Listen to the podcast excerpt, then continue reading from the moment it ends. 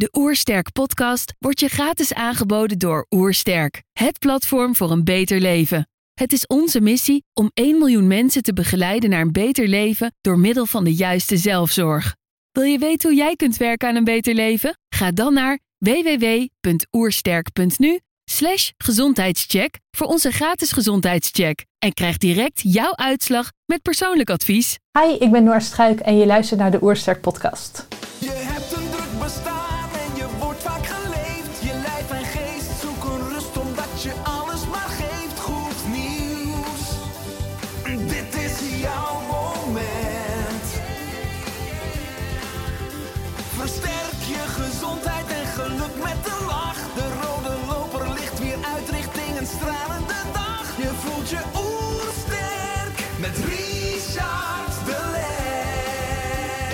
Zijn hier in Heemskerk voor een podcast met Nor Struik. Nor is koolhydraatarm diëtist, voedingsdeskundige en oprichter van The Nourishing State. Ik ben benieuwd naar haar tips voor een beter leven. Trouwens, geniet je van onze podcast? Abonneer je dan en laat een reactie of review achter. Zo help je ons om het gezondheidsvirus te verspreiden. Let's start! De Oersterk Podcast. Een ontdekkingstocht naar een beter leven. Nor, welkom. Dank je, leuk om hier te zijn. Wederzijds. Je website opent met: Heb je elk dieet geprobeerd, maar worstel je nog steeds met je gewicht? Laat ons je helpen om blijvend af te vallen, zonder honger, jojoen of gedoe, zodat je eindelijk weer lekker in je vel zit. Nou, deze belofte hoor je natuurlijk heel vaak. Ja. Maar hoe doe je dit precies met je team? Dus hoe onderscheid jij je van andere aanpakken en maak je deze belofte wel waar? Ja, nou sowieso eh, dat ik een koolhydraatarme aanpak gebruik. Meteen daar wel bij zeggende, er is niet één manier om koolhydraatarm te eten. Dat kan op heel veel verschillende manieren. Dus we stellen de cliënt centraal en kijken van oké, wat is je leefstijl? Wat zijn je doelen? Wat vind je lekker? Vooral ook belangrijk dat je natuurlijk eet wat je lekker vindt. Ehm, dus dat we de cliënt echt als uitgangspunt nemen. Ehm, en daarnaast ook kijken naar andere factoren. Kijk, voedingspatroon is natuurlijk één. Ehm, maar beweging, ontspanning, slaap. eh, hoe ga je om met stress? Dat zijn natuurlijk ook allemaal belangrijke factoren. En voor je gewicht, maar ook voor je gezondheid en hoe jij je voelt. Ja, mooi. Dus de aanpak is heel holistisch, heel breed. Ja. Eh, jullie werken zowel aan het gewicht als ook aan onzekerheid. En gaan deze twee altijd of vaak samen? Ja, ik denk het wel.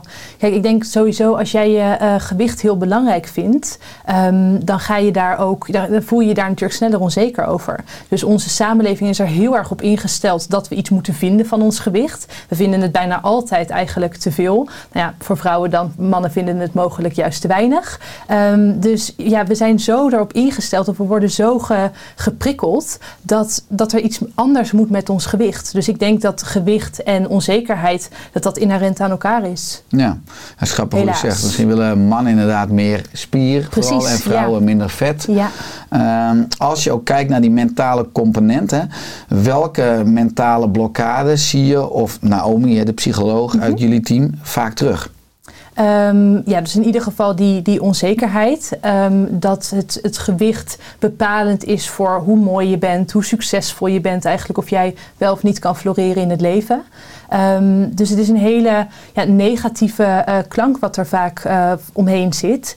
En ook het feit dat gewicht zo belangrijk is. Dus ehm, weet je, als ik, als ik heel eerlijk ben, gewicht is voor mij niet de grootste pijler als wij bezig zijn met cliëntbegeleiding. Kijk, ik weet dat, dat veel vrouwen daarop aangaan en dat zij denken, ja, maar ik wil wat met dat gewicht. Maar er zit altijd wat achter dat gewicht. Weet je, waarom wil jij afvallen? Waarom wil jij lichter zijn? Is het omdat je eh, nou ja, een gezonder leven wilt? Is het omdat je je mooi wil voelen? Is het omdat je je succesvol wil voelen? Er, er zit wat achter.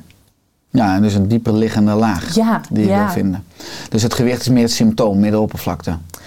Ik denk in veel gevallen wel. Kijk, en tuurlijk, als jij eh 20 kilo te zwaar bent, dan weet je ook dat voor je gezondheid het belangrijk is om daar iets mee te doen. Ehm, maar we vinden het gewicht zo belangrijk dat dat eigenlijk het, het hoofddoel lijkt te zijn. Terwijl, het, ja, wat ik zeg, er, zit veel meer achter. Uiteindelijk gaat het om gezondheid. Ehm, en zul jij niet op je sterfbed zeggen: Oh, was ik maar 5 kilo lichter. Maar eerder was ik maar gezonder en eh, had ik dit nog even kunnen uitstellen. Ja. Ja, eens. Als ik kijk naar jouw professionele levensweg. Ja. Je bent nu koolhydraatarm diëtist en voedingsdeskundige. Wat heb je geleerd in je bachelor voeding en diëtetiek en in je master voeding en gezondheid, wat je tijdens je opleiding tot diëtist niet hebt geleerd? Ehm, dus voeding en diëtetiek, dat eh, heb ik gedaan om diëtist te worden. Oké. Ehm, dus dat studeer je om eh, een titel als diëtist te krijgen. Ehm, wat ik daar, nou ja, een hele hoop leerde ik daar niet in eigenlijk. Ik had heel veel vragen en daar kwam ik dan mee bij de, eh, bij de docenten, bij de professoren. En het antwoord was eigenlijk, joh, hoef je niet te weten, maak je vooral niet te druk. Dus je wordt als diëtist zijnde echt wel behoorlijk klein en ook een beetje dom gehouden eerlijk gezegd. Want kijk, over het algemeen mensen die voeding en diëtetiek gaan studeren, het zijn geen, het zijn over het algemeen wel intelligente mensen. Er is ook een tijd loting geweest, um, omdat het heel populair was. Dus ja, je moest ook wel gewoon een bepaald niveau hebben. Um, maar je wordt heel kort gehouden. Uh, waarschijnlijk, nu achteraf, denk ik van ja, weet je, de, de richtlijnen zijn zo gammel als wat. Dus het is logisch dat je, dat je kort gehouden wordt. Maar ik merkte heel erg van oké, weet je, ik, ik heb deze vragen. Ik krijg er geen antwoord op. Dus daarom heb ik ook de keuze gemaakt om een master te gaan doen uh, Nutrition and Health in Wageningen eigenlijk hetzelfde verhaal. Ik kreeg weer geen uh, antwoorden op mijn vragen. Maar ik had daardoor wel een veel, ik had veel meer speelruimte. Dus ik kon zelf mijn, um, het onderwerp kiezen voor mijn. Um, hoe heet het, voor mijn scriptie. En daarnaast ook voor mijn stage. Dus toen ben ik ook met, voor mijn stage naar Australië gegaan. Omdat ze daar veel verder waren op het gebied van koolhydraatarm. En hoe ik eigenlijk bij koolhydraatarm terecht ben gekomen. Ik ging in de praktijk werken. Dus ik combineerde mijn master met werken als diëtist. Um, dus ik ging die richtlijnen en de schijf van vijf en alles wat ik geleerd had als diëtist zijnde, ging ik in de praktijk brengen. Nou, ik merkte al heel snel, ja, ik weet niet wat we aan het doen zijn, maar het gaat in ieder geval niet goed. Weet je, de cliënten vallen niet af. Uh, zeker niet als er, als er sprake was van diabetes. Ik ging dan leuk mijn volkoren graanproducten en mijn margarine adviseren. Nu denk ik echt, oh my gosh, what did I do? Maar goed, op dat moment, weet je, het, het was de kennis die ik had. Mm -hmm. Het was uh, wat ik zou moeten adviseren. Maar ik kwam er al heel snel achter van, ja, het werkt gewoon niet. En dat vind ik wel een interessante. Dat ze op de opleiding ook meteen zeggen, ongeveer week twee, van joh, cliënten gaan tegen je liegen onder rapportage. Ze eten gewoon meer dan dat ze zeggen. Dus zo word jij al als toekomstig diëtist, um, nou ja, uh, ga je starten aan je, aan je loopbaan. Ja, dat, dat, dat is natuurlijk ook niet fijn voor de cliënt. Dat jij al een soort van vooroordeel hebt van je zal wel tegen me liegen. Um, ik merkte heel snel, weet je, cliënten zitten daar met de beste voornemens. Die willen wat, die willen verandering, anders zitten ze niet tegenover je. Um, maar dat was wel het punt dat ik ben gaan kijken van oké, waarom, waarom gebeurt er niks? Waarom val je niet af? Waarom worden je bloedwaardes niet beter? Waarom voel je je niet beter? Um, en toen ben ik bij koolhydraatarm terechtgekomen. Ja, nou ik vind het enorm leuk dat we daar een uurtje gaan induiken. Ja. Want traditioneel kan je zeggen, een diëtist werkt natuurlijk met advies uit de schijf van 5 en ook de richtlijnen goede voeding. In mijn eerste boek Oersterk uit 2012 schrijf ik in het hoofdstuk over voeding de zin: een diëtist is niet per definitie een voedingsdeskundige. Eens. Nou, daar heb ik leuke brieven en mails op ontvangen. Uh, dat zal, ja. Wat is jouw perspectief daarop? Ja, ik ben het daar zeker mee eens. Kijk, um, wat er gebeurt, want ik ben mezelf natuurlijk ook even nagegaan van oké, okay, hoe, hoe, was het ook alweer op de opleiding? Um, kijk, er wordt eigenlijk gezegd van joh, er is één manier om iedereen te helpen. Dat is eigenlijk een beetje waar je, waar je van uitgaat als je de richtlijnen en de schijf van vijf gaat um, naleven. En ook nog eens dat dat eigenlijk is voor de gezonde mens. Nou ja, je kan je sowieso al afvragen hoeveel mensen zijn tegenwoordig nog gezond. Nou, echt heel weinig, helaas. Um, en daarnaast is het echt zo dat iedereen precies hetzelfde zou moeten eten. Ik geloof van niet. Dus als diëtist zijnde, zeker na je opleiding voeding en diëtetiek, word je eigenlijk heel. Ja, je, er ontstaat een bepaalde tunnelvisie. Dus ik ben het met je eens dat je inderdaad, hoeveel weet je nog van voeding? Um, weinig. Je weet vooral heel erg hoe je de, de regeltjes en de schijf van vijf moet implementeren. En je hebt eigenlijk bijna geen, kon, of bijna geen oog meer voor degene die tegenover jou zit. En voor daadwerkelijk het, het echte voedingsaspect. Ja. ja, want als we kijken naar jouw specialisatie, beperking van koolhydraten, een koolhydraatarm dieet, hè, wat zijn de voordelen hiervan? Um, sowieso, kijk, het, het, begint eigenlijk allemaal met het stabiel houden van je bloedsuiker. Dus wat er gebeurt als jij koolhydraten eet, bijvoorbeeld een banaan of een appel uh, of een snee brood, dan um, worden die koolhydraten afgebroken tot glucose. En wat er dan gebeurt is dat de hoeveelheid suiker in je bloed, dus je bloedsuiker, die stijgt. Je lichaam gaat dan insuline aanmaken, een hormoon wat eigenlijk een soort van sleutel is. Dus die sleutel die opent de cel, de glucose kan daarin, kan daar energie geven. Maar wat jij ziet als je langer, um, of als je veel koolhydraten eet, wordt die glucose steeds hoger. Die sleutels, die insuline past steeds minder goed. En je bloedsuiker wordt daardoor steeds hoger. Nou, dat kan allemaal klachten geven, zoals dus bijvoorbeeld overgewicht, maar ook de, uh, de vier uur dip die natuurlijk heel erg bekend uh, is. Uh, huidklachten, darmklachten, um, hart- en vaatziekten, diabetes. Eigenlijk gewoon een hele hoop.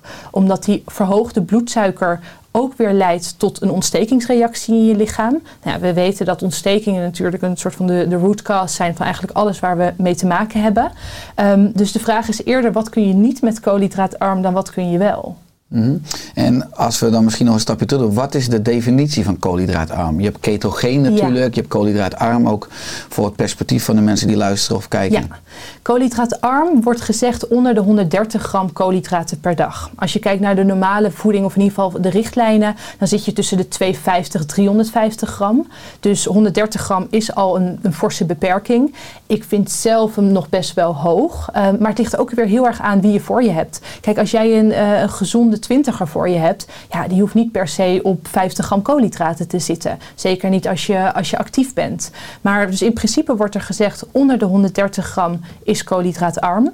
Keto is dan nog een, een stuk specifieker, nog een stuk lager. Dan zit je tussen de 20 30 gram. Maximaal, Wel, ja. ja. maar ook meteen daar weer in. Kijk, er wordt heel makkelijk gezegd, oh ja, 20 30 gram. Kijk, met ketogeen wil je in die ketose raken, in die vetverbranding, zodat je ketonen gaat produceren. Voor de ene persoon, voor een wielrenner, ja, die kan waarschijnlijk 50 gram of 100 gram koolhydraten per dag eten en nog steeds in die ketose zitten. Hij is aan het wielrennen, hij verbruikt die, uh, die koolhydraten. Dus het is iets te kort door de bocht om te zeggen, oh, keto is automatisch 20, 30 gram. Maar we weten wel dat als mensen over het algemeen rond die 20 gram zitten, dat je ook in ketose zit. Dus het is een beetje de veilige, um, de veilige grens om te gebruiken. Ja, en uh, voor het beeld, een banaan is 30 gram koolhydraten, ja. een broodje is 10 gram koolhydraten. Iets hoger, 14. Okay, ja. 14, okay, dat scheelt, dat scheelt weer 4 gram. Ja. Maar ook natuurlijk als je het hebt over frisdrank en vruchtensappen, wat ja. de moderne mensen drinken, ook natuurlijk enorm rijk aan vloeibare koolhydraten. Ja, absoluut. Ja, want uh, ja, ik vind het natuurlijk enorm sterk, omdat ik natuurlijk een groot voorstander ben van oervoeding. Hè, waar een veel betere balans is in macronutriënten, mm. waar we op terugkomen, koolhydraten, eiwitten en vetten. Uh, nou, als diëtist uh, promoot jij koolhydraatarm. Hoe kijkt de beroepsgroep, hoe kijken collega's, vakgenoten naar jou? Uh, met een kritische blik. Um, ja, kijk, ik merk wel, er komt steeds meer aandacht voor koolhydraatarm. Dus het is inmiddels drie jaar geleden, als ik het goed zeg, dat ik naar Australië ging. Nou, daarvoor, het was echt nauwelijks bekend en er werd heel weinig mee gedaan. Het werd een beetje in een, in een hoek gezet. Nou, de afgelopen drie jaar is er veel meer aandacht voor gekomen. Er zijn ook steeds meer onderzoeken um, die laten zien. Je hebt een grote studie, Virta, Health in, um, in Amerika, op het gebied van diabetes ook. Dus er komt gewoon steeds meer ja, onderzoek waar we niet omheen kunnen. Um, dus ik merk dat er wel wat meer openingen zijn. Dat er ook steeds meer diëtisten zijn die zeggen: Oh ja, ik begeleid koolhydraatarm. Als ik dan daadwerkelijk in gesprek ga of cliënten van hun krijg die door een koolhydraatarm diëtist, ik doe uh, aanhalingstekens voor degenen die luisteren, mm -hmm. um, door een koolhydraatarm diëtist zijn begeleid. En ik hoor vervolgens wat ze geadviseerd krijgen. Dan denk ik: Ja, maar je hebt geen idee. Dus dat is eigenlijk een beetje de situatie waar we nu in zitten. Dat steeds meer diëtisten zich wel realiseren van: Oké, okay, er zit wat in, die koolhydraatbeperking. Um, maar dat weinig diëtisten diëtisten daadwerkelijk weten het goed in te zetten. En dat er eigenlijk dan een hele grote Um, heel veel aandacht ontstaat per se op die koolhydraten, om die maar te verlagen. Maar dat er helemaal niet meer gekeken wordt naar de kwaliteit van voeding. Weet je, je koolhydraat verlagen, ja leuk, maar we willen je vetten verhogen, je gezonde vetten. Dat is natuurlijk ook een dingetje bij, bij diëtisten. Die zijn pro halvarine, margarine, zonnebloemolie. Ik ben absoluut anti. Um, ook voldoende aandacht voor eiwitten. Dus je ziet dat er wel dat, het, dat er steeds meer um, ruimte ontstaat voor koolhydraatarm, maar dat het lang niet altijd op de goede manier geïmplementeerd wordt. Ja, want het is interessant als je net zegt dat reguliere experts, ook voedingsexperts, dan weer tussen haakjes, ja.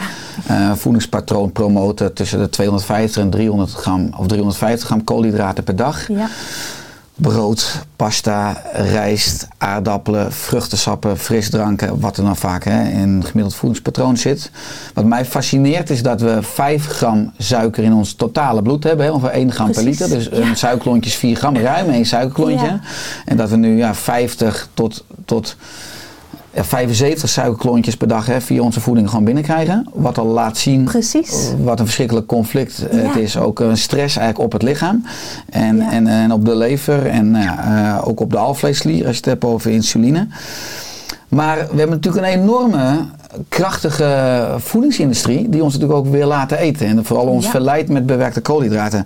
Hoe groot zijn in jouw optiek de commerciële of financiële belangen op voedingsgebied? Heel groot. Ik, eh, toen ik net afstudeerde was ik behoorlijk naïef. En ik had heel erg zoiets van, weet je, iedereen heeft het beste met elkaar voor. We willen allemaal het beste voor de samenleving. Nou, daar ben ik echt wel inmiddels van afgestapt. Ik geloof daar helemaal niet meer in. Eh, want wat je inderdaad zegt, weet je, het is heel, er, er valt geld mee te verdienen. A, als wij veel eten. En B, als we ziek zijn. Er valt heel weinig geld te verdienen met gezonde mensen en gewoon echte voeding. Dus ik geloof absoluut dat dat een, heel, een hele grote rol speelt. En minder vaak eten dus. Ja, zeker. Ja. Dus ja, het probleem waar we op dit moment mee te maken hebben, daar valt geld mee te verdienen. En een stuk minder als wij gezonder gaan eten, als wij de kennis krijgen hoe daadwerkelijk te eten. En als we gewoon minder ziek worden.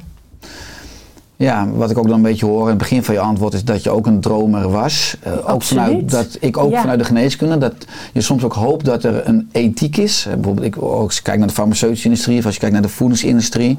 Nou, als je daarin gaat duiken, hebben die allerlei gedragswetenschappers in dienst die eigenlijk onze instincten kapen om mensen eh, eigenlijk op alle plekken in de maatschappij in aanraking te Ja. komen. Of nou eens met zicht, met, met posters of met geur en met verleidingen om ons te laten eten. Want inderdaad, wat je zegt, hoe vaker we eten, hoe meer we kopen en hoe meer de kassa hè, rinkelt van eh, de producent en hoe beter nou, hun bedrijf en aandelen op marge is. Ja.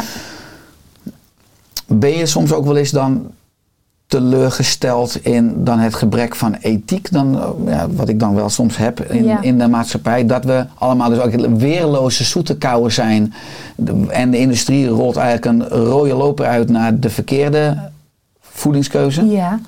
Kijk, ik heb zeker wel momenten dat ik daar me echt wel druk om kan maken.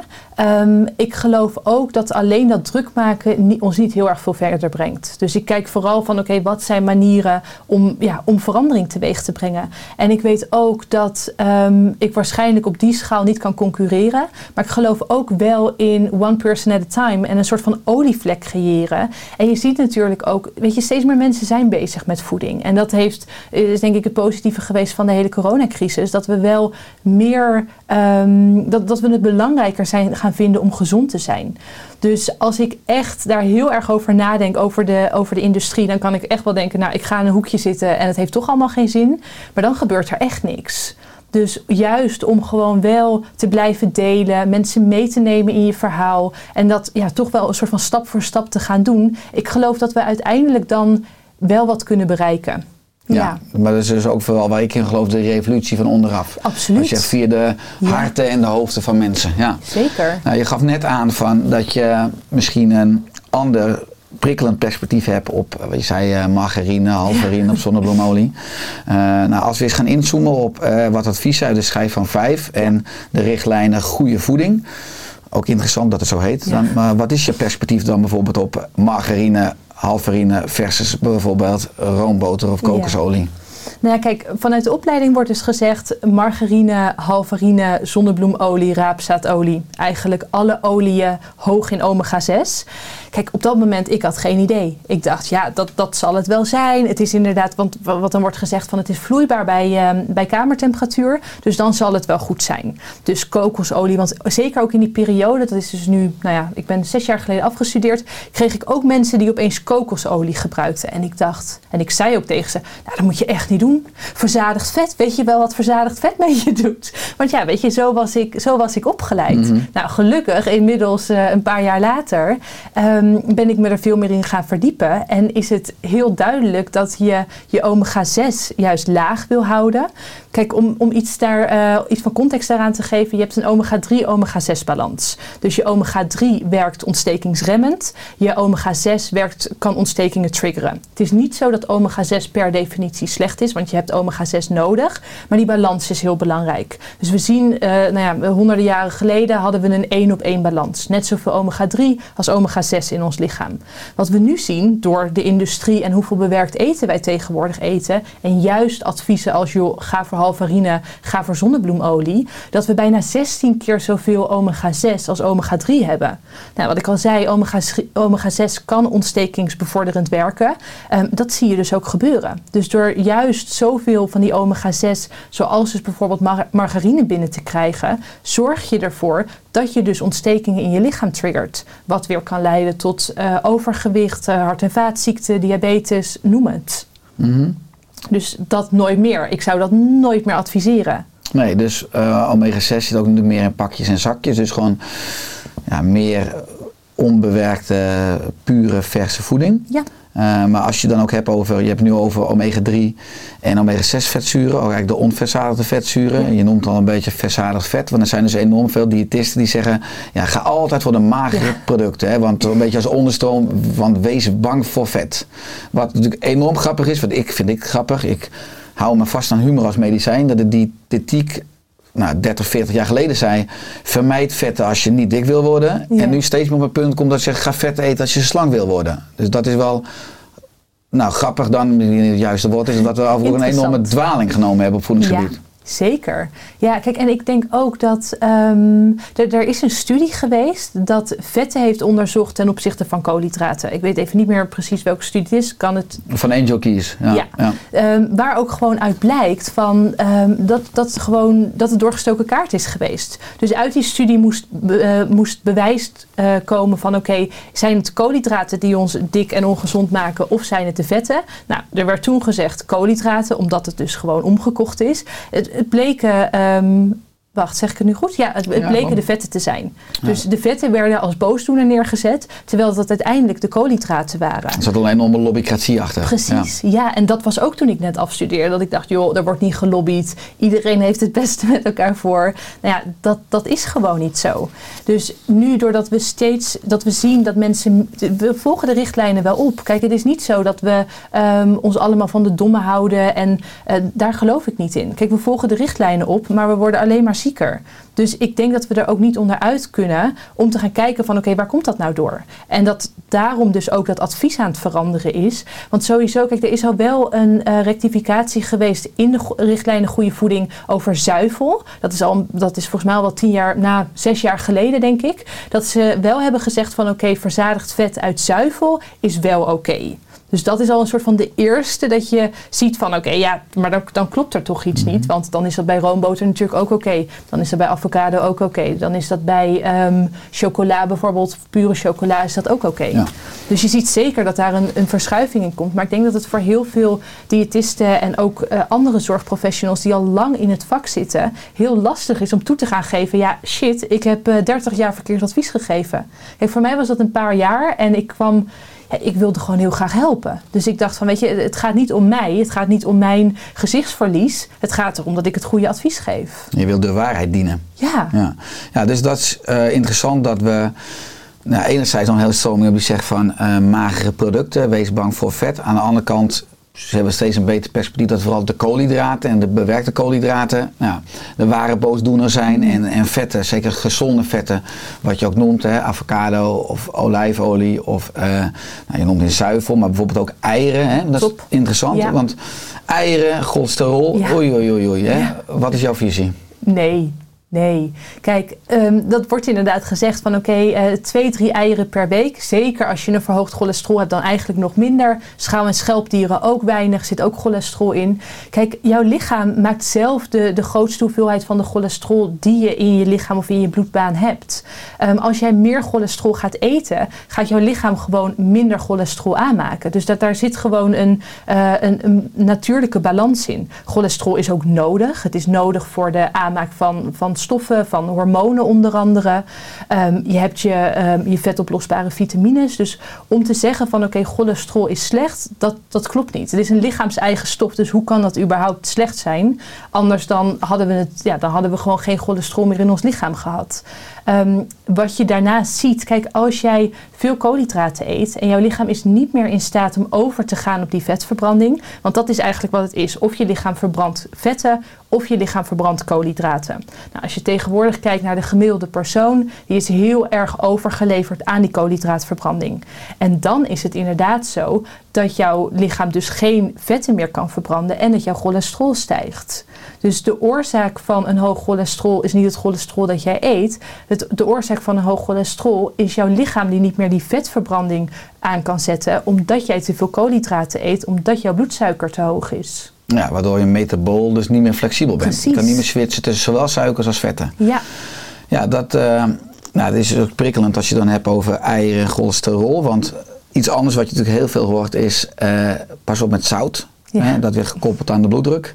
Nou, het interessante is natuurlijk dat je verleden jaar daar een post eh, over hebt gedaan op LinkedIn. Hè, en op z'n op Hollands toen brak de pleuris uit. Maar wat is je visie op, op zout en bloeddruk? Dat zout niet de oorzaak is voor hoge bloeddruk. Het lijkt, ik ben alles een soort van aan het, eh, aan het tackelen. Maar ik, ja, de, de adviezen die wij krijgen, de, de richtlijnen, daar is zoveel mis mee. En een voorbeeld daarvan is zout. Kijk, te- door te zeggen van oké, ehm, zout zorgt voor een, een hoge bloeddruk. Als je gaat kijken naar onderzoeken waarin zout verlaagd wordt bij mensen met een hoge bloeddruk, het maakt nauwelijks verschil. Wat wel een verschil maakt, is om je koolhydraten te verlagen. Kijk, wat er namelijk gebeurt als, jij, ehm, als jouw bloedsuiker hoog is, dus als jouw insuline ook hoog is, als, je, als er sprake is van hyperinsulinemie, dus te veel insuline, dan, eh, komen, dan ontstaan er meerdere processen in je lichaam die zorgen voor een hoge bloeddruk. Eén, je gaat meer zout vasthouden, dus meer natriumretentie. Ehm, daarnaast wordt er meer ehm, aldosteron aangemaakt door je bijnieren, wat ook weer zorgt voor een hoge bloeddruk. Dan wordt je eh, sympathische zenuwstelsel wordt aangeslingerd. Eigenlijk je, je actie en je, het gaspedaal van je lichaam. Dus ook dat zorgt ervoor dat jouw bloeddruk weer stijgt. Laatste is ehm, slagaderverkalking. Wat er ook weer voor zorgt dat jouw bloedsuiker stijgt. En, of dat je, sorry, dat je, ehm, Bloeddruk. dat je bloeddruk stijgt. Ja.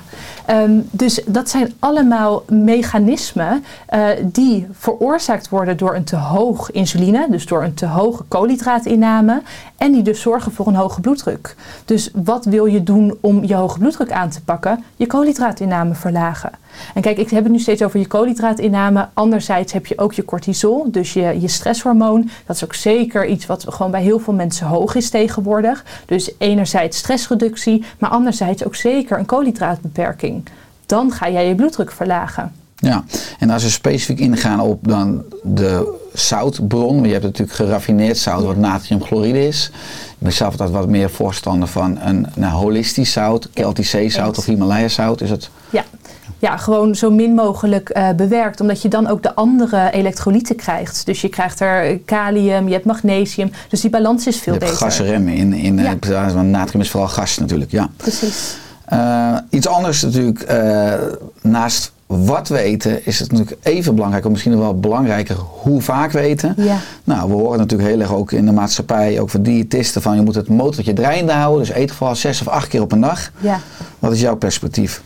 Nou, dat deed ik vroeger ook. Ehm, zeker toen ik eh, net was afgestudeerd en dan consulten had. En ik merkte dan, dan wel dat mijn bloedsuiker echt best wel... eh, eh, nou, gewoon dat ik veel pieken en dalen had. Dus ik merkte dan ook als ik cliënten zag... dat ik dacht van, oh, ik moet even een, een smoothie. Ik, ik heb even wat nodig. Nou ja, als je, hoe oud was ik? 24 bent of 25... is dat niet per se een hele gezonde situatie. Ehm, mijn vader heeft ook diabetes type 1. Dus dat was ook wel dat ik al dacht van... hm, volgens mij gaat er met mijn bloedsuiker iets niet goed.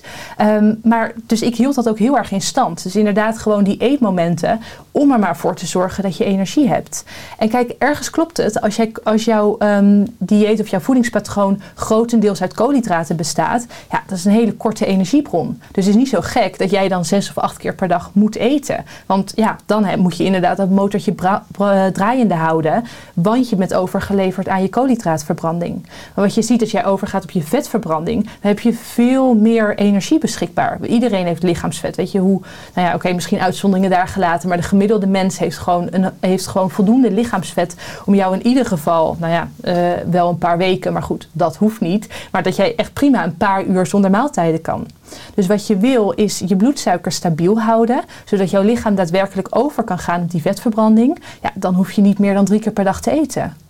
Ja, want je ziet ook allerlei onderzoeken, maar het extreem natuurlijk ook uit concentratiekampen, dat een mens zo gemiddeld 100 dagen zonder voedsel kan. Dus ik vind altijd een hele slechte grap als mensen zeggen, ik moet om de twee uur eten. Want Dat klopt echt niet. als je moet vluchten of je bent in nood, dan, dan vraag je echt niet af als je aan het rennen bent, want ik moet nu even wat eten, maar je ik kan heb een gewoon snack door. nodig. Nee, Ja, nee. Alleen we zijn die flexibiliteit kwijt. Precies. Ehm, hoe kijk jij dan hè, vanuit eh macro-perspectief naar het moderne obesogene voedingslandschap, waarin het bijna ook, wa- waarin je soms buitensporig veel wilskracht moet hebben om slank te blijven of ook slank te worden?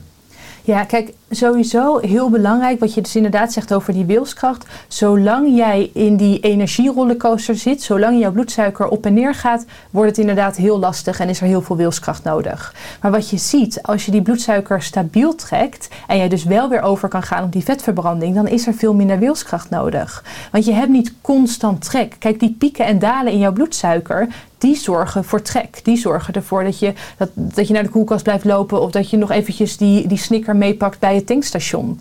Dus je ziet sowieso dat als jij dus inderdaad je bloedsuiker stabieler houdt, dat dat al heel erg helpt. Ehm, anderzijds, voorbereiding is toch ook echt wel heel erg slim. Weet je, er wordt vaak gezegd, ga niet met honger ehm, je boodschappen doen. Ben ik het echt wel mee eens. Dat, ja, weet je, dan is het een stuk, als je trek hebt, is het een stuk lastiger om gezonde keuzes te maken. Dus om een bepaalde voorbereiding te hebben, ook bijvoorbeeld in het weekend al wat dingen klaar te maken voor door de week. Kijk, ik ben daar zelf niet zo van, maar ik weet wel dat dat voor heel veel cliënten bijvoorbeeld heel erg kan helpen. En al is het maar dat je bijvoorbeeld je, je eiwitbron eh, voor meerdere dagen maakt en dat je daar wat groentes bij doet. Ehm, maar dat je het voor jezelf ook makkelijk en, en leefbaar maakt.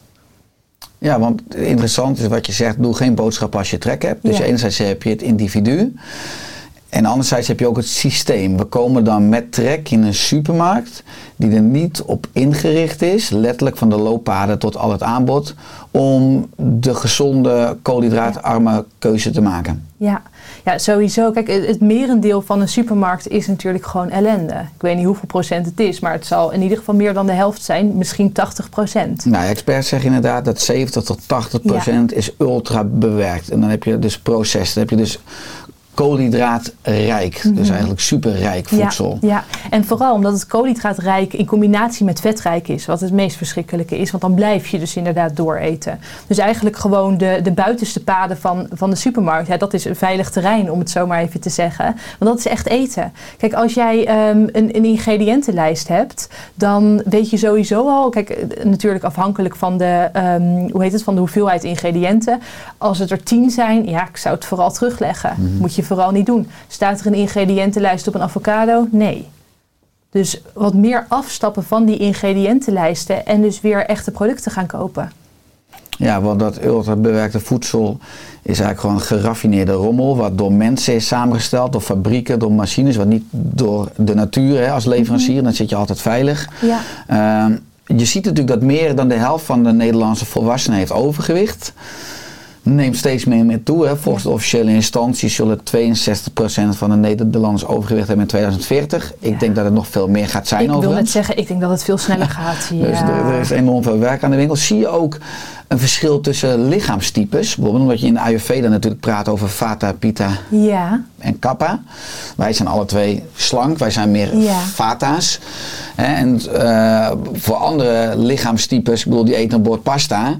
Een kappa bijvoorbeeld in de Ayurveda en dat blijft gelijk aan hun kont kleven. Dus Ja. je ziet ook dat, dat, dat die lichaamstypes metabool andere voedingsvoorkeuren kunnen Mhm. hebben. Werk jij ook met, met lichaamstypes? Zie je dat ook terug in de praktijk? Niet per se zo met, eh, met lichaamstypes. Ehm, kijk, ik, ik denk dat het vrij snel al duidelijk is voor mensen... of dat, dat vrouwen en mannen ook wel van zichzelf al weten van... oké, hoe reageer ik op bepaalde voeding?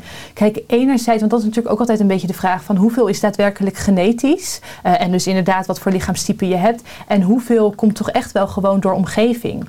En er wordt toch wel steeds aangetoond dat omgeving... dus de, ehm, nou ja, de, de eh, nurture, dat dat veel meer impact heeft dan uiteindelijk genetisch. Dus ik vraag me af, kijk, er zullen zeker verschillen zijn.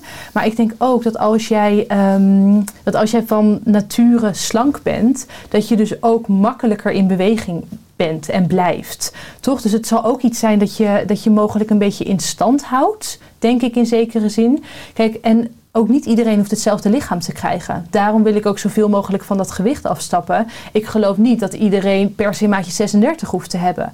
Maar wel een, een gezond lichaam en een, uh, een optimaal werkend systeem. Ja. En daarom is echte voeding zo belangrijk. Nou, jullie aanpak draait om echte voeding. Met voldoende eiwitten en gezonde vetten. Dat betekent ook dat er natuurlijk nu veel onechte voeding is. Waardoor mensen de hele dag honger hebben ik vind het zelf een beetje de paradox van het uh, moderne leven. Dat mensen overvoed zijn qua macronutriënten, koolhydraten ook vooral, maar ondervoed zijn qua micronutriënten. En wat is jouw visie daarop? Ja, eens. Kijk, wat je dus inderdaad ziet, want dat is natuurlijk ook weer dat ultra, uh, ultra. Daar, hoeveel voedingsstoffen zitten daar daadwerkelijk nog in? Dat is gewoon echt heel weinig. Dus enerzijds de inname van, dus inderdaad micronutriënten, van vitamines, mineralen is heel laag. Um, anderzijds is de opname ook in de meeste gevallen heel laag. Veel mensen hebben last van een slecht werkende darmgezondheid en ze weten het niet eens. Hoe vaak ik cliënten heb die zeggen, ik heb, uh, mijn, uh, mijn darmwerking is optimaal. En dat ik zeg van joh, maar daar hebben we het helemaal niet over gehad tijdens het intake. Had je daar überhaupt last van? Blijkt, toch to blijkt uiteindelijk toch wel zo te zijn. Dus dat zie je natuurlijk ook. Kijk, als jouw darmgezondheid niet optimaal is, dan zal dat weinige beetje voedingsstoffen dat jij binnenkrijgt ook niet optimaal opgenomen worden. En daarom ontstaan er ook natuurlijk steeds meer tekorten. Ja, ook mooi hoe dat weer met elkaar samenhangt. Hè? Als we dan inzoomen op echte voeding. Want ik denk dat het prikkelend is voor de mensen die luisteren of kijken. Dat mensen altijd afvragen, ja, maar wat moet ik dan eten? Ja. Hoe ziet dat er precies uit? Nou, je noemde net een broodje is 14 gram koolhydraten. Ja. Nou, veel mensen, ik ook vroeger ontbeet met, uh, nou dan een broodje, maar met chocoladepasta. Ja. Of met jam. Of dan met margarine en hagelslag. Of ik had ja. vlokken altijd, weet je wel. Oh, vond ik zo lekker. Ook melk, melk, chocola. Nou, dat ook ja. weer een bak suiker is. Maar wat zijn nou, voor zover dat ik het zo zwart-wit kan zeggen, maar ongezonde ontbijtjes? En wat zijn gezondere alternatieven? Ja, nou sowieso dus de boterhammen die je, die je al noemt. Kijk, wat sowieso al een betere stap zou zijn, is om je boterham te gaan beleggen met hartig beleg. Even voor als je niet, uh, als je denkt, nou dat koolhydraatarm, ik weet het allemaal niet zo goed. Maar wat er natuurlijk gebeurt met zo'n ontbijt, kijk, het is 100% koolhydraten, misschien een heel, of nou, en een, beetje vet. Um, maar dat zijn ook weer niet de gezonde vetten die je juist binnen wil krijgen. Het is nul eiwitten, dus voor hoeveel verzadiging zorgt het daadwerkelijk? Kijk, dat is bijvoorbeeld hetzelfde met uh, havermoutpap ja, dat was voorheen mijn favoriete ontbijt. Maar dat maakte ik dan met sojamelk. Ik was op dat moment van overtuigd dat het goed was. Uh, dus met havermout en daar deed ik een banaan in. Nou, ik had na een half uur alweer gierende trek. En achteraf gezien niet gek, want er zat nauwelijks vet in. En er zaten ook geen eiwitten in. Dus dat is sowieso al een goede, um, een goede eerste stap om te bedenken van oké, wat is mijn eiwitbron bij het ontbijt? Dus als jij bijvoorbeeld uh, Griekse yoghurt neemt, nou, dan heb je, krijg je in ieder geval iets van eiwitten binnen. Beetje de vraag of dat genoeg is. Ik denk van niet. Um, maar dus ook voor die Griekse variant kiezen, die volle 10%. Zodat je ook daadwerkelijk voldoende vet hebt voor verzadiging. En ook weer voor het constant houden van je bloedsuiker. Kijk, een beetje koolhydraten eten is niet het einde van de wereld. Maar je wil wel een, een soort van uh, tegenpol hebben, wat dus vet is, om die bloedsuiker stabiel te houden. Dus ook bijvoorbeeld in, in melkproducten zoals Griekse yoghurt, daar, zitten, um, daar zit lactose, dus daar zitten um, melksuikers in. Dan wil je wel dat vet hebben. Dus weet je, um, een magere yoghurt, ja, dat wil je echt niet doen. Je bloedsuiker schiet omhoog. Maar wat je bijvoorbeeld ook zou kunnen doen is kokosyoghurt. Niet voor iedereen is, is zuivel per se geschikt. Zeker als je dus last hebt van een darmgezondheid die niet optimaal is. Um, dat je er bijvoorbeeld wat noten doet, bij doet, dat je er wat bessen bij doet. Ik zou er een eitje bij eten om dus wel wat extra eiwitten binnen te krijgen. Of dat je bijvoorbeeld iets van een omelet maakt. Dan heb je een goed begin van je dag. Ja, en als je dus wel brood wil eten, doe er eventueel wat je zegt, had er maar roomboter of amandelpasta ja. of, of kip of ei of avocado. Amandelpasta vind ik een beetje tricky. Nou, want, is interessant, ja. want ik weet wat je gaat zeggen. Ik heb een keer een blog geschreven ja. waarom ontbijten met havermout en amandelmelk niet optimaal is. En dan ging ik vooral even op de havermout op de hoge gehalte aan zetme en koolhydraten. En de amandelmelk het gehalte aan omega 6. Want dat vermoed ik denk ik ja. wat je wil. Uh, uh, maar amandelpasta, ja. Ja, maar, maar dat is ook hoog in omega-6. Ja. Dus dat zou ik niet doen. Dus ik heb beter gemengde notenpasta. Maar heel veel Ja. mensen hebben natuurlijk ook pindakaas. Dat is ook interessant. Dat, want pinda is geen noot, maar is een peulvrucht. Dus Ja, maar ook hoog in omega-6. En ook weer de vraag, wat voor pindakaas neem je? Calvé, oef, zit suiker in, zit extra plantaardige, of zit plantaardige olie in, zoals zonnebloemolie. Mhm. Dus dat is ook alweer een goede stap in de richting 100% pindakaas. Als je dus amandelpasta neemt, 100% amandelpasta. Ja. En qua ongezonde lunches, heel veel mensen hebben natuurlijk een broodtrommel mee. Hè? Ja. Eh, maar wat zijn ook qua lunch gezondere alternatieven? Ehm, als je bijvoorbeeld een eh, omelet niet ochtends hebt gegeten, kun je dat natuurlijk sowieso 's middags doen. Dus daar kun je je groentes doorheen doen, eh, daar kun je wat kip doorheen doen, daar kun je zalm doorheen doen, wat jij lekker vindt.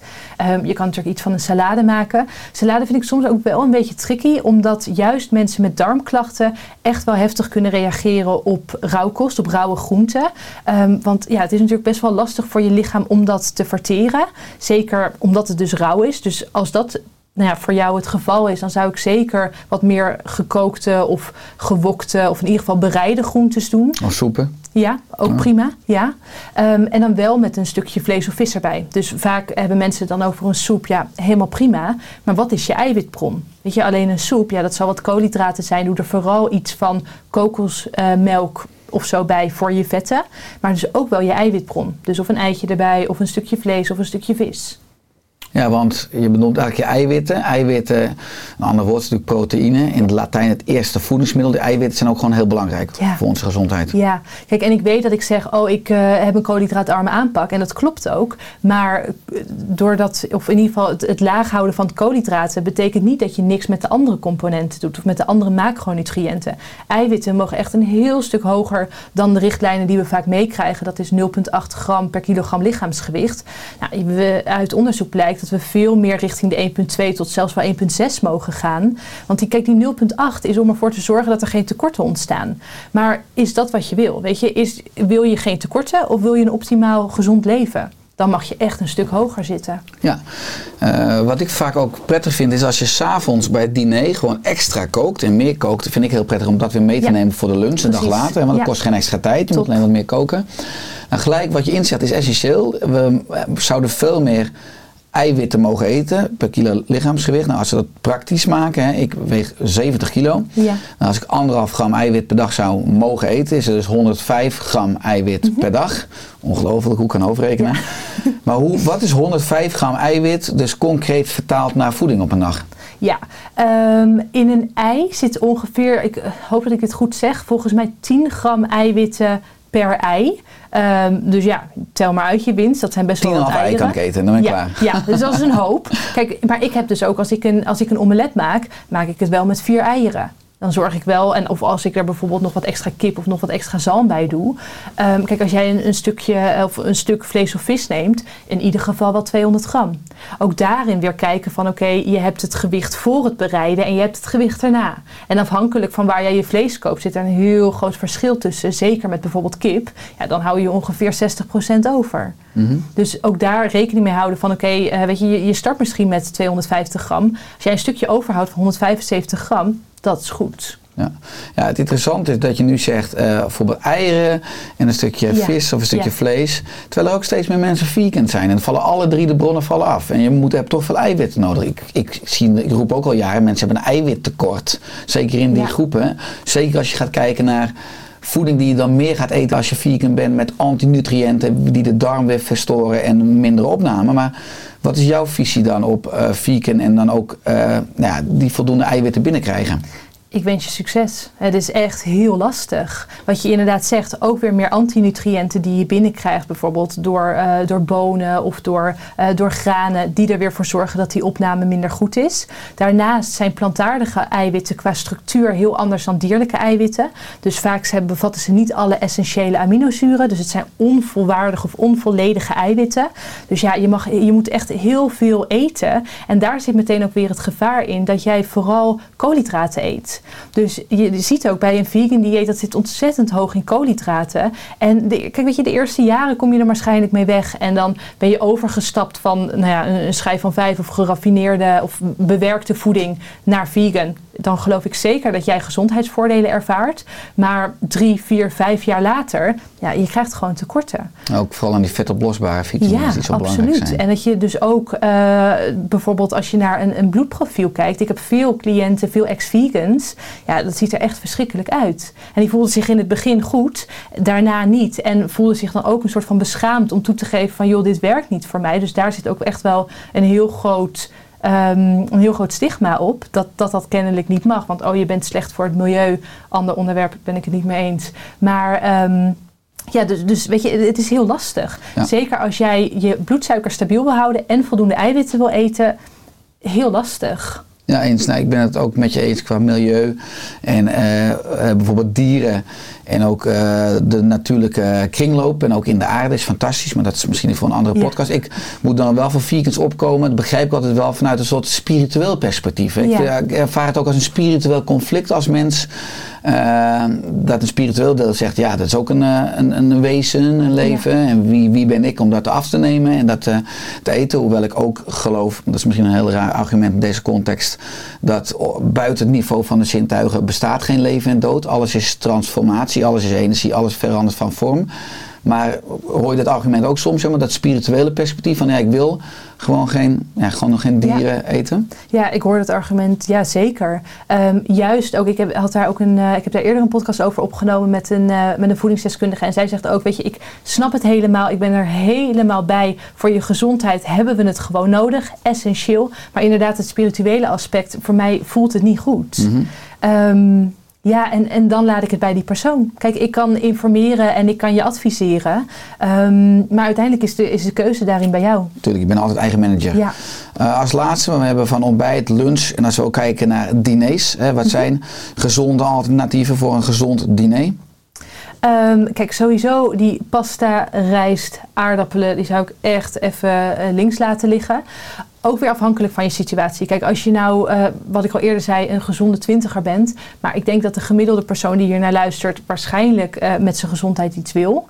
En dan zou ik toch echt wel zeggen van oké, laat dat eruit. Ehm, ga veel meer kijken naar verschillende soorten groentes. Dus dat je bijvoorbeeld twee soorten groentes doet. Dat je iets van bieten doet of pompoen. Dat hoor ik natuurlijk hoor ik wel vaak van oké, maar kan dat dan wel? Want het zijn gekleurde groentes. Moet ik me daar dan zorgen om maken?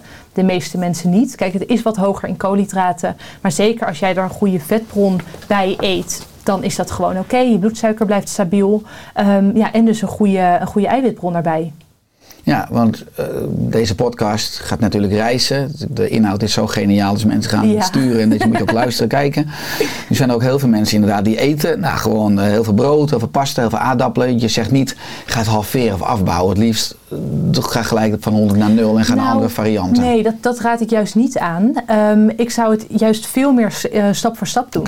Dus ik zou je aanraden om te beginnen met één maaltijd, het ontbijt. Ehm, omdat jouw ontbijt ook weer bepaalt hoe jouw bloedsuiker gedurende de dag is. Nee, ik ben juist helemaal niet van het hele radicale. Want ik geloof dat als jij je leefstijl wil veranderen, dan, dan is stap voor stap een stuk makkelijker dan alles of niets. Want dan ga je in uiterste leven, zwart-wit is helemaal niet goed. Ehm, dus ik zou vooral beginnen bij je ontbijt, daar de koolhydraten uithalen. En eens kijken wat dat doet gedurende de dag. Want je zal merken dat, jouw dat jouw eh, energie en ook je verzadiging veel optimaler is. Dus je hebt die extra tussendoortjes niet nodig. Dus die vallen ook weg. En dan wordt het eigenlijk een soort van sneeuwbaleffect. En wordt het dus ook steeds makkelijker om de rest van de dag ook wat minder koolhydraten te eten.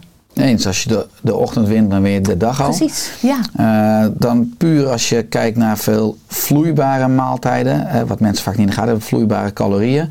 Dus ook in de vorm van frisdranken en vruchtensappen. Wat is jouw visie Ja, daarop? niet. Gewoon niet doen. Dan ben ik ook gewoon nul. Ja, nee, daar kunnen we heel kort over En wat zijn. kunnen we dan beter wel drinken? Want water of thee Ja, of water, koffie? thee, koffie eventueel. Ook weer een beetje afhankelijk van hoeveel stress jij ervaart. Dus ik heb ook cliënten, of nou ja, eigenlijk gewoon de middel, het gemiddelde mens, ervaart natuurlijk gewoon een hoop stress. Ja, als jij dan eh, zes kopjes koffie gaat drinken, dan trigger je die, of dan, dan zet je die cortisol, dat stresshormoon, alleen nog maar meer aan. Bloedsuiker stijgt weer, insuline stijgt, vetverbranding stopt weer. Ehm, dus dan zou ik als beginstap zeggen, joh, ga eerst eens decaf drinken, zodat je die, die cafeïne niet zo hebt. Wat ook belangrijk is om je te realiseren, cafeïne onttrekt ook weer je mineralen, dus jouw zout, magnesium, kalium. Ehm, dus als jij wel veel koffie drinkt, nou, mag je zeker ook wel wat extra zout nemen. Magnesium sowieso voor iedereen. Maar ehm, dus water, eh, thee is inderdaad goed en cafeïne met mate het liefst deed ik af. Ja, mooi. Je zei net van eh zes tot acht keer per dag eten is natuurlijk niet optimaal. Anderzijds had ik het over lichaamstypes. Er zijn natuurlijk ook verschillen tussen mannen en vrouwen. Maar je ziet Ja. dat enorm veel mensen nu intermittent fasting hè, gaan vasten. Nou, ik zag ook een podcast over van jou. Ehm, wat is jouw visie van vasten dan specifiek bij vrouwen? Ja, dat is inderdaad een belangrijke. Kijk, een man is niet hetzelfde als een vrouw. Dat weten we allemaal wel. Maar vaak met de adviezen en met alles wat we om ons heen zien gebeuren, denken we: oh ja, oké, nou dat ga ik ook lekker doen. Kijk, sowieso, onderzoeken worden vaak uitgevoerd bij mannen. Dus ook onderzoeken met intermittent fasting over het algemeen bij mannen, omdat die gewoon een stuk constanter zijn. Je hebt niet te maken met de menstruatie, met de hormoonwisselingen. Ehm, en dat is ook meteen de reden waarom je niet een soort van copy-paste kan doen van: oh, dit werkt voor een man. Kijk, intermittent fasting voor mannen, ik geloof er heilig in, vooral doen. Enerzijds wil je wel eerst je lichaam echt wel trainen om over te gaan op die vetverbranding. Anders wordt het gewoon een soort van lijdensweg. Daar geloof ik niet in. Ehm, maar juist omdat een vrouw wel een cyclus heeft en eh, verschillende hormonen, of in ieder geval die hormonen variëren, ja, wil je niet meteen zeggen van oké, iedere vrouw moet intermittent vasten. Zeker wat ik dus al zei over die, eh, die stress die we tegenwoordig ervaren. Daar zijn, men, eh, daar zijn vrouwen ook gewoon wat vatbaarder voor dan mannen. Ehm, dus wat je ziet, kijk, als jij gestrest je dag begint, dan gaat vasten, dan ervaart jouw lichaam nog meer stress. Dus inderdaad weer die cortisol die opbouwt. En die komt pas naar beneden, of in ieder geval jouw bloedsuiker komt pas naar beneden als jij je eerste maaltijd neemt met voldoende vet. Dus dan kun je heel leuk wachten tot 12 uur en oh ja, ik red het net en ik push mezelf wel een beetje. Ehm, maar wat er eigenlijk gebeurt is dat jij heel die ochtend in je glucoseverbranding zit in plaats van in je vetverbranding wat je daadwerkelijk wil. Dus bijna iedere cliënt die, die bij ons binnenkomt, die gaat gewoon weer de eerste maaltijd eten. En als er dan weer een balans is ontstaan en stressreductie en dat is allemaal beter op orde, dan kan dat. Maar dat is iets wat van nature ontstaat. Zodra jij van tevoren denkt, oh ik ga nu 16 uur vasten, ja, ik geloof daar niet in. Het ontstaat, je denkt niet aan eten, je bent met dingen bezig, top. Maar zodra jij je wekker of van die apps moet gaan bijhouden van, oh ik zit nu aan mijn 16 uur, ja, een rode vlag, moet je niet doen. Ja, nou, goede toevoeging. Want je hebt natuurlijk een master gevolgd voeding en gezondheid. Nou, gezondheid is natuurlijk heel erg hoe ik, hoe ik opgeleid ben in de geneeskunde. Dus die hangen nauw met elkaar samen. Wat we eigenlijk maatschappelijk ook, ook de experts niet goed snappen. Ik zeg soms grappend, eh, als je voeding door mannen in witte jas is gemaakt, is de kans groot dat je bij andere mannen in witte jas uitkomt, namelijk artsen. Welke rol zou voeding in ziekenhuizen moeten hebben? Want het fascineert mij enorm als je gaat kijken naar eh, ziekenhuismaaltijden die Ja. patiënten krijgen, waardoor je vaak zwakker het ziekenhuis verlaat.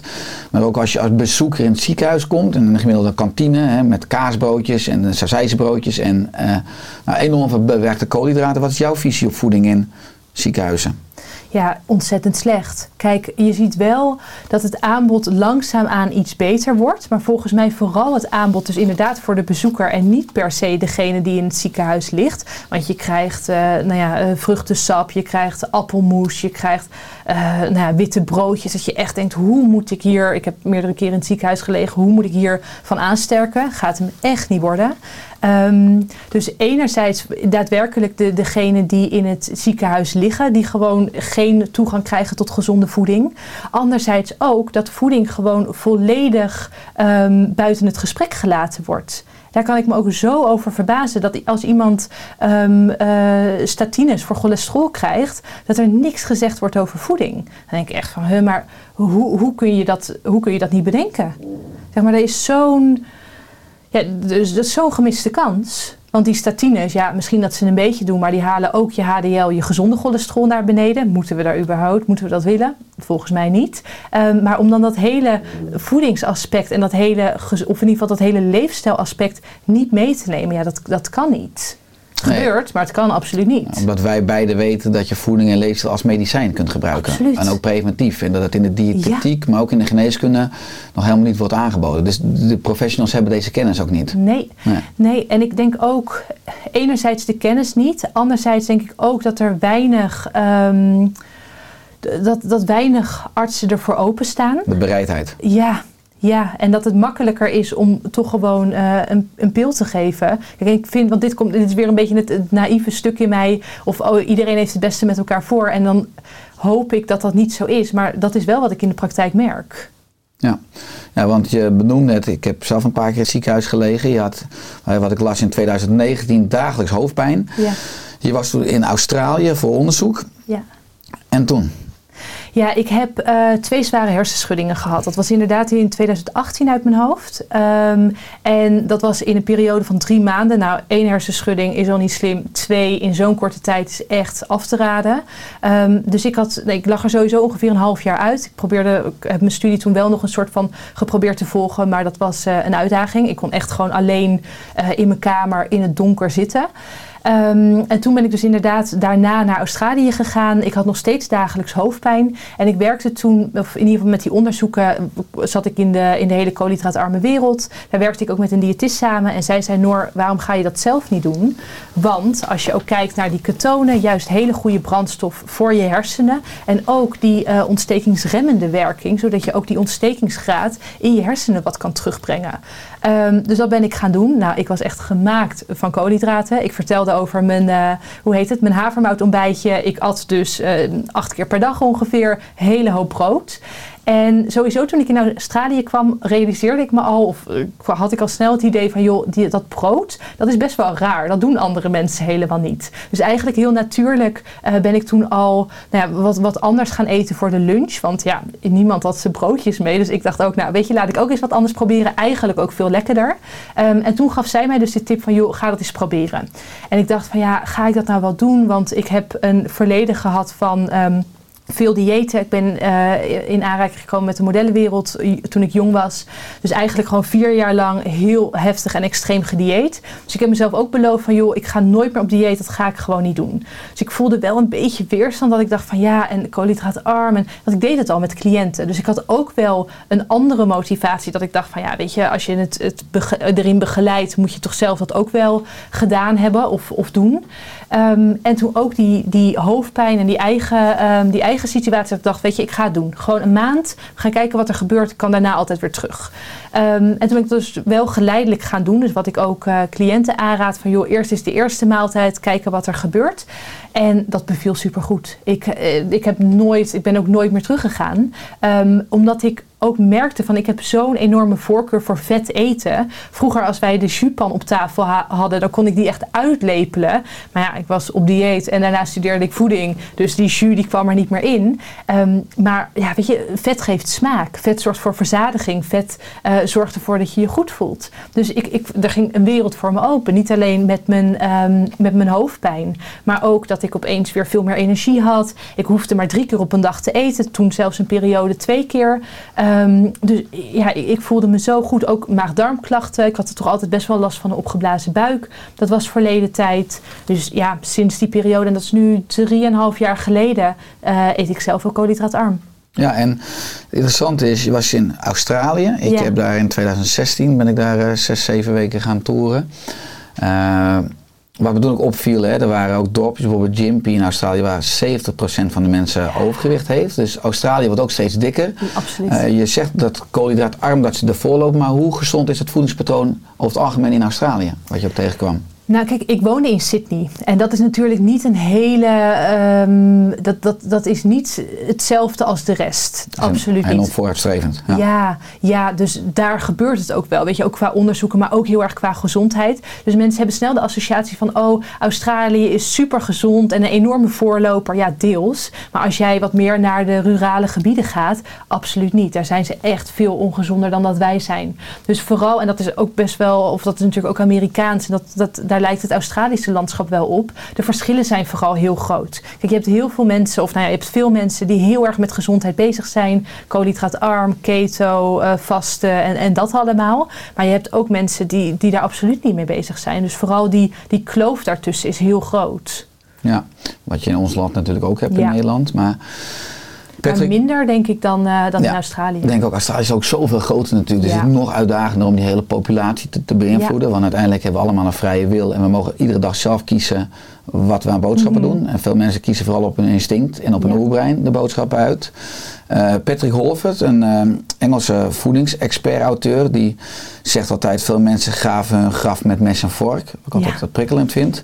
Uh, natuurlijk hebben enorm veel mensen hebben natuurlijk een suikerverslaving, eten veel te veel bewerkte koolhydraten. Wat zijn nou signalen? Hoe kun je nou ook als je luistert of kijkt herkennen van, oh ja, dat gaat, dat gaat ook over mij. Ik heb ook een suikerverslaving. Ehm, ik denk allereerst door dus die energiedip. Weet je, die, die 16 uur kuppensoep. Ja, dat is natuurlijk ook gewoon ontzettend marketing. En in het leven geroepen omdat we zoveel koolhydraten eten. En omdat je dus merkt dat jouw bloedsuiker heel erg aan het pieken en aan het dalen is. Dus dat is zeker een, eh, een, een rode vlag. Die, die piek aan het einde van de dag. Of in ieder geval die dip, die energiedip aan het einde van de dag. Ehm, anderzijds dus ook als je inderdaad zoveel moet eten en trillerig wordt. En dus inderdaad uitspraken als, hebt als... oh, ik heb dit tussendoortje nu nodig, want oh, anders dan gaat het niet goed met me. Ja, ook een enorme rode vlag. Want je ziet dan dat jouw lichaam dus heel erg afhankelijk is van die koolhydraatverbranding. En inderdaad niet meer die metabolische flexibiliteit heeft. Jouw lichaam moet echt wel in staat zijn om gewoon over te kunnen gaan op die vetverbranding. Wil je gezond zijn? Dus dat is een andere rode vlag. Ehm, ja, verder natuurlijk als je, als je gewicht te hoog is, ehm, als je last hebt van, van chronische aandoeningen. Ehm, ik, ik zeg chronische aandoening, ik denk ook meteen, nou ja, diabetes, daar kunnen we natuurlijk wat aan doen. Of in ieder geval type 2 kunnen we natuurlijk wat aan doen. Eh, maar in ieder geval alle welvaartsziektes. Ehm, maar ook als je bijvoorbeeld merkt dat je minder concentratie hebt, brain fog noemen mensen dat ook vaak. is ook weer een teken dat jouw bloedsuiker gewoon hoog is. Hersenmist. Ja. Ja. Ja.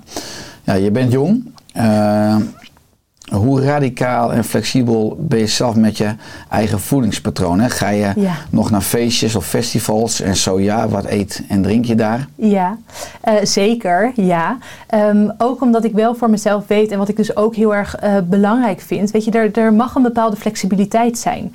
Wat ik al zei, dat, dat hele zwart-wit, daar geloof ik niet in. Ga vooral lekker dat, in dat grijze zitten. Want je hoeft jezelf ook niet. Kijk, we vinden het heel makkelijk om onszelf in een, in een box te stoppen. In een doosje van: oké, nu ben ik koolhydraatarm, nu ben ik keto, nu doe ik zus, nu doe ik zo. Ehm, want dan hebben we labels, we hebben handvatten. Is heel duidelijk: dit doe ik wel, dit doe ik niet. Maar ga nou eens ervaren wat voor jou daadwerkelijk goed werkt. En ik geloof zeker dat dat eigenlijk voor iedereen lager in koolhydraten is. Maar ik geloof ook dat eh, je een leven hebt. En dat je dus ook af en toe naar een festival kan gaan. Of een wijntje kan drinken. Of een bitterbal kan eten. Ik hou heel erg van patat met mayo. Ja, dat eet ik ook. En dan is het mayo hoog in omega 6. Moet Lekker- kunnen. Lekker genieten, ja. Ja. Eh, maar in je praktijk bied je individuele begeleiding en groepsbegeleiding. Mhm. Eh, welke resultaten boek je zo Ehm, nou ja, sowieso natuurlijk gewichtsverlies. Kijk, dat is eh, waar veel mensen natuurlijk mee binnenkomen. Maar wat je wel ziet en wat ik ook meteen wel ehm, even wil aangeven. Kijk, dat is vaak niet het eerste wat er gebeurt. We denken heel snel van, oh, dan ga ik mijn leefstijl omgooien en dan val ik meteen kilo's af. En voor sommige mensen is dat zo. Dat zijn natuurlijk de, de successtories. Ehm, maar vaak, zeker als jij al veel gedieet hebt, als jij grote tekorten hebt, als je dus ja, gewoon je lichaam echt heel erg uit balans is, dan is het zaak om eerst die balans weer te gaan herstellen. En van daaruit komt gezondheidsvoordelen en komt eh, afvallen. Dus dat kan echt wel een veel langer proces zijn. En daarom is onze begeleiding ook langer. Weet je, ja, ehm, reken maar dat dat wel drie maanden kan, kan duren. Zeker als je ehm, insulineresistent bent, als je diabetes hebt, eh, hart- en vaatziekten hebt, eh, aan allemaal medicatie zit. Je wil eerst weer die balans opzoeken, zodat je lichaam ook denkt, joh, eh, ik ben in veilig gebied, we kunnen uit die fight or flight. En dan ga je afvallen. Mooi en ook sterke aanpak, duurzame aanpak. Wat is je missie of je droom voor aankomende jaren? Ehm, lastig. Ik had me op deze vraag kunnen voorbereiden. Heb ik niet gedaan. Ehm, om mensen weer in staat te stellen om hun ehm, gezondheid serieus te nemen. ehm, en ook zelf de touwtjes in handen te gaan nemen. Want wat jij inderdaad ook zegt, weet je, het is echt wel een, ehm, een bottom-up aanpak. Het, het gaat nog jaren duren voordat jij in de behandelkamer te horen krijgt: joh, die voeding, daar moeten we wat mee. Dus daar kunnen we niet op wachten. Het wordt echt heel belangrijk dat we zelf, ehm, ja, dat we zelf weer in staat zijn, of zelf ons in staat gaan stellen om veranderingen teweeg te brengen. En doe dat vooral met hulp als je dat nodig hebt. Eh, kijk ook naar je sociale kringen, betrek je familie, betrek je vrienden daarbij. Ga het samen doen, Eh, maar ga wel weer die, die re- regie en die touwtjes in handen nemen. Ja, eens. Is er aan het einde van de podcast nog iets dat je graag wilt toevoegen of aanvullen? Ehm, dat het niet groot hoeft niet alles hoeft in één keer. Weet je, begin met een kleine stap. Begin dus inderdaad met één maaltijd. Of begin met eh 10 minuten mediteren per dag. Eh, begin met een wandeltje per dag. We denken vaak, oh, ik moet in één keer die Mount Everest beklimmen. Dat hoeft niet. Weet je, het gaat echt om de kleine stappen die jij iedere dag kan zetten.